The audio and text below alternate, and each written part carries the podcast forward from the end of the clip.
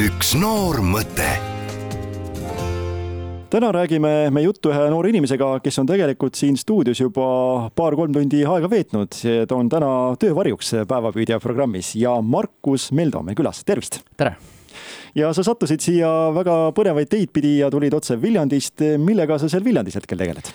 Viljandis ma õpin kultuurikorraldust siis ja meil on äh, iga aasta siis väga põnev ülesanne valida endale töövari et eh, eelmine aasta ma käisin eh, Metsatõll töövarjul ja nüüd siis eh, sattusin Elmarisse.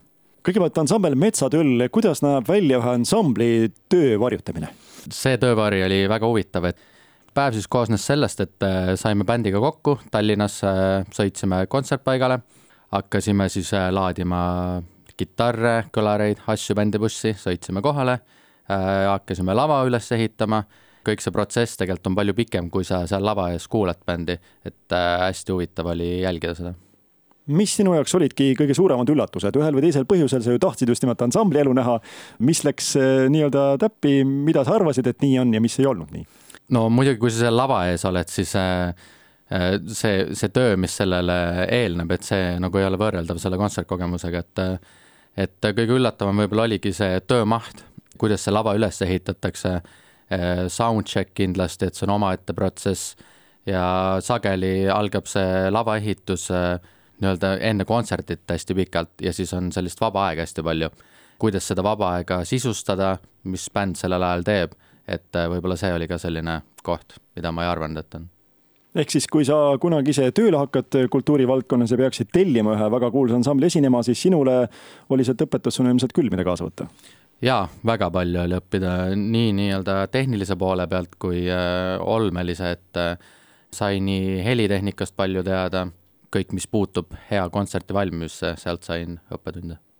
millised hobid, huvid sul elus üldse veel on? Äh, ma ise tegelen muusikaga, ma olen kitarri õppinud pikalt, mulle meeldib laulmine, puidutööga tegelen samuti. et mul on oma ettevõte, Kihar Hair, ma valmistan juukseaksessuaare puidust ja lisaks äh, nüüd hiljuti ma hakkasin äh, lusikate ja kulpide tegemisega siis tegelema. see aasta õnnestus mul ka etnokulbid valmistada, et see oli hästi põnev kogemus ja väga õpetlik no see on ikka päris selline uhke ja suur ülesanne, kui sulle ühel päeval helistatakse, öeldakse, et teate, et meil oleks vaja nüüd äh, auhindu, trofeesid ja siis pead sa oma kätega need valmis tegema, et kuidas see võimalus sulle sülle kukkus? tegelikult see ei kukkunud sülle, et kultuurikorralduses ma olen õppinud äh, nii palju, et äh, sul peab olema julgust küsida. et äh, tegelikult ma ise kirjutasin, küsisin, et, et kes eelmine aasta tegi kulbid, hakkasin uurima ja siis pakuti, et kas ma tahan see aasta teha.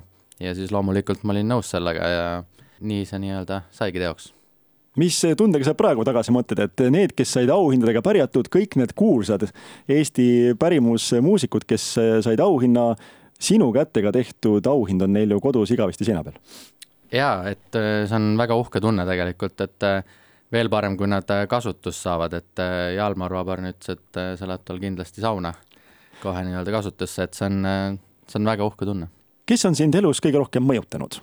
kindlasti minu vanemad on mõjutanud mind, et nad on suureks inspiratsiooniks mulle, aga kuna ma tegelen ka muusikaga, siis paljud muusikud, et ma olen suur Eesti muusika austaja Elmarist kuulab neid tihti, et ja ka välismaine muusika, et, et muusika on minu elus suur, suur nii-öelda osa ja sealt ma saan inspiratsiooni. Sa nimetasid enda vanemaid, kas see tähendab seda, et nad on just nimelt sind suunanud, kuidagi sulle ellu õpetusena kaasa andnud või vastupidi, nad on pigem andnud sulle vabad käed ja lasknud sul endal otsustada? mõlemat, et eks nad on suunanud ja, ja ma olen õppinud ka seda, et sa pead ise oskama otsustada ja eks ma olengi selles suhtes veidi otsustamatu, et mulle meeldivad hästi paljud asjad, tahaks neid kõiki teha, kõigi jaoks aega ei ole, selline vabadus ise mõelda, ise otsustada on kindlasti ka olnud nii-öelda nende õpetus. Ma vaatan, et sul on üks äh, väga huvitav ja hea omadus, sa julged küsida, see on siit jutust juba läbi käinud, samamoodi etnokülpide valmistamisel sa küsisid ise. siis, kui sa tahtsid tulla meie siia töövarjuks, sa kirjutasid väga ilusa ja põhjaliku kirja meile, sa küsisid ise sa oled vist elus täpselt see tüüp, kes ei jää ootama, et sa kasutad võimalust, et isegi kui ei öeldakse, siis midagi hullu sellest ikka ei juhtu, aga võib-olla öeldakse jaa. jaa, sellepärast et äh, ma leian, et nii peabki elama, et äh, teha seda, mis sulle meeldib, küsida, et jah, täpselt, kui sulle öeldakse ei, siis on ainult ei, et äh, sa võid veel küsida, äkki siis on jaa. et äh, minu jaoks see küsimine muutub äh, järjest vähem hirmsamaks, et alguses ma kindlasti kartsin, mõtlesin, mida inimesed nii-öelda must arvavad, aga ma olen proovinud just sellest hirmust üle saada just nagu tehes neid asju. mis su järgmised sammud on, mis on järgmised väljakutsed, mida sa veel tahad teha lähiajal? no kuna ma ütlesin, et ma tegelen ka muusikaga, aga ma ei ole eriti nagu julgenud äh, teiste ees enda muusikat teha, laulda, et kindlasti, kindlasti ühel päeval enda muusika ja hääle kuuldavaks tegemine on üks minu unistusi, et et kui ma Viljandisse kooli läksin, siis ma ei olnud ka kellegi ees varem laulnud, aga seal olid koorikatsed, siis ma läksin sinna, sain koori sisse, nüüd on kohe enesekindlus mõnus sees, et et hääl ikka kannab ja julgen, julgen laulda milline võiks olla sinu tulevik kümne aasta pärast? ma küsin seda alati peaaegu noortelt, ma kujutan ette, et üks variant on kindlasti professionaalne muusik, aga mis võiks su elus veel kümne aasta pärast olla sellist, mida praegu veel ei ole? No ma proovin enda elu elada niimoodi, et teha neid asju, mis mulle meeldib.